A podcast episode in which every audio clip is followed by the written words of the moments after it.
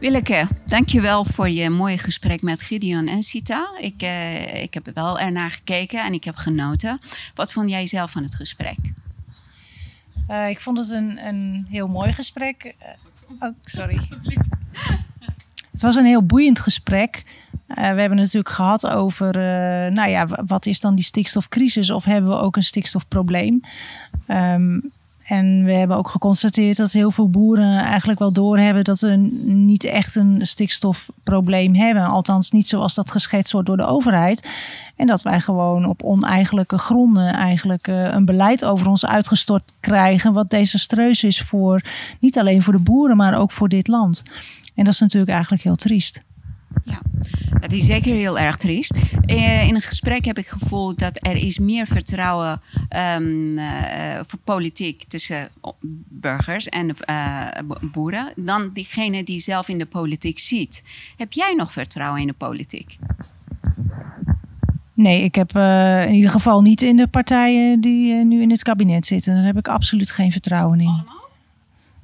Nou, als je, als je kijkt naar eh, D66 en uh, het CDA en uh, ChristenUnie, nee, dat, dat, daar heb ik geen vertrouwen in. Nee. Nou, het is vandaag uh, had Max een aantal politieke partijen uitgenodigd. Uh, BBB, uh, Forum voor Democratie en BVNL.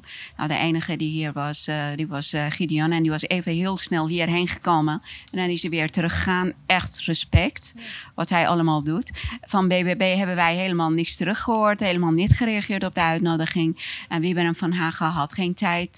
hij zou wel bellen als hij kon komen. Um, het is voor mij pijnlijk om te horen dat BBB niet eens gereageerd heeft op de uitnodiging die Max heeft uh, gestuurd of Café Welsmers heeft gestuurd. Hoe kijk jij ernaar? Nou, het helemaal niet reageren vind ik wel teleurstellend. Uh, dat vind ik jammer. Vind ik ook misschien wel een gemiste kans.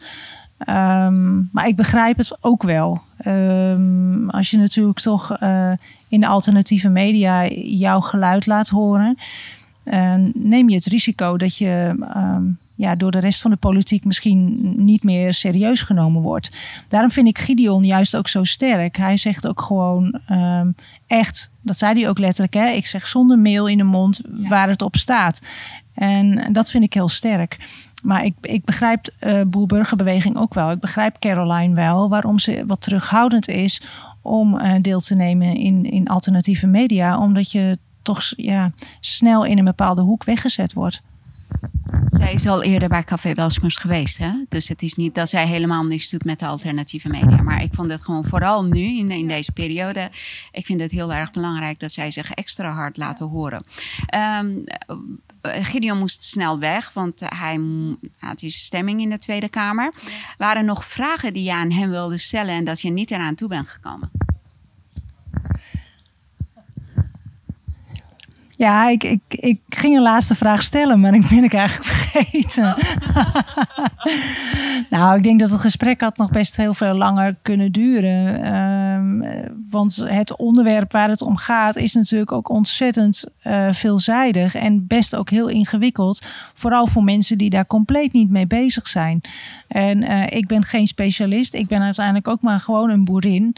En het is um, ja, ook voor boeren. Als je, eh, kijk, van, vanuit de boerenvisie kijk je er toch ook weer anders naar dan vanuit de politieke visie. En daarom uh, was het ook wel heel interessant. Want um, um, boeren lopen ook wel er tegenaan van ja, hoe kunnen we de politiek nog bewegen? En wat ik wat ik heel erg goed uh, gehoord heb van Gideon, is dat we vooral moeten proberen om als boeren uh, in gesprek te blijven en ook druk uit te oefenen, vooral bij de provinciale beleidsmakers uh, en ook lokaal, um, uh, zodat zij niet dat beleid van de overheid gaan uitvoeren.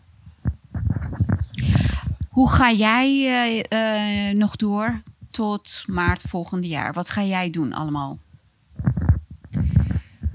Nou, eh, wat ik net zei, dat heb ik wel in mijn oren geknoopt. Ik denk dat we daar met z'n allen. Um, uh, en we zijn gelukkig wel met een relatief grote groep boeren. We zijn niet in staat om constant de acties te blijven voeren. Dat moet ook. We moeten ook wel steeds uh, ons gezicht, denk ik, blijvend laten zien hè, op straat. En um, nou ja, welke acties je dan doet. En, er worden nu alweer nieuwe acties voorbereid. En je probeert ludieke acties, maar vooral ook we kunnen ombeurten met kleine groepjes. Uh, absoluut naar de, naar de provincies gaan om, uh, om daar ons geluid te laten horen. En iedere keer gesprekken aan te vragen. En ik denk dat we daar, en dat kunnen gelukkig ook boeren lokaal heel goed regelen. We hebben goede netwerken die ook lokaal goed opereren. En uh, dat daar heel veel aandacht voor blijft. Ik, daar ga ik me in ieder geval wel hard voor maken. En dan ga ik ook proberen om wat in mijn macht ligt, om daar wel op te blijven sturen. En uh, misschien dat ik dat zelf ook wel um, ga doen. Meedoen met de verkiezing bedoel je? Uh, nee, nee, nee, dat zeker niet. Maar nee. nee, in ieder geval uh, het gesprek met, met een groepje boeren. Weer een gesprek aangaan met de provincie. En vragen, waar, zijn jullie nu mee bezig? Denken jullie er wel aan? dit moet je niet doen. Hè? Je zou misschien meer die kant op moeten. Maar aan de gebiedstafels gaan zitten als boer. Ja, daar heb ik wel echt mijn vraagtekens bij. Ik denk dat we het zover misschien niet eens moeten laten komen. Want dan ga je echt aan de slag met het beleid wat er nu eigenlijk uh, door Den Haag bedacht is. En dat, uh, dat heb ik me ook al in mijn oren geknoopt, dat we dat misschien niet moeten doen. Dankjewel voor alles wat je doet. Dankjewel.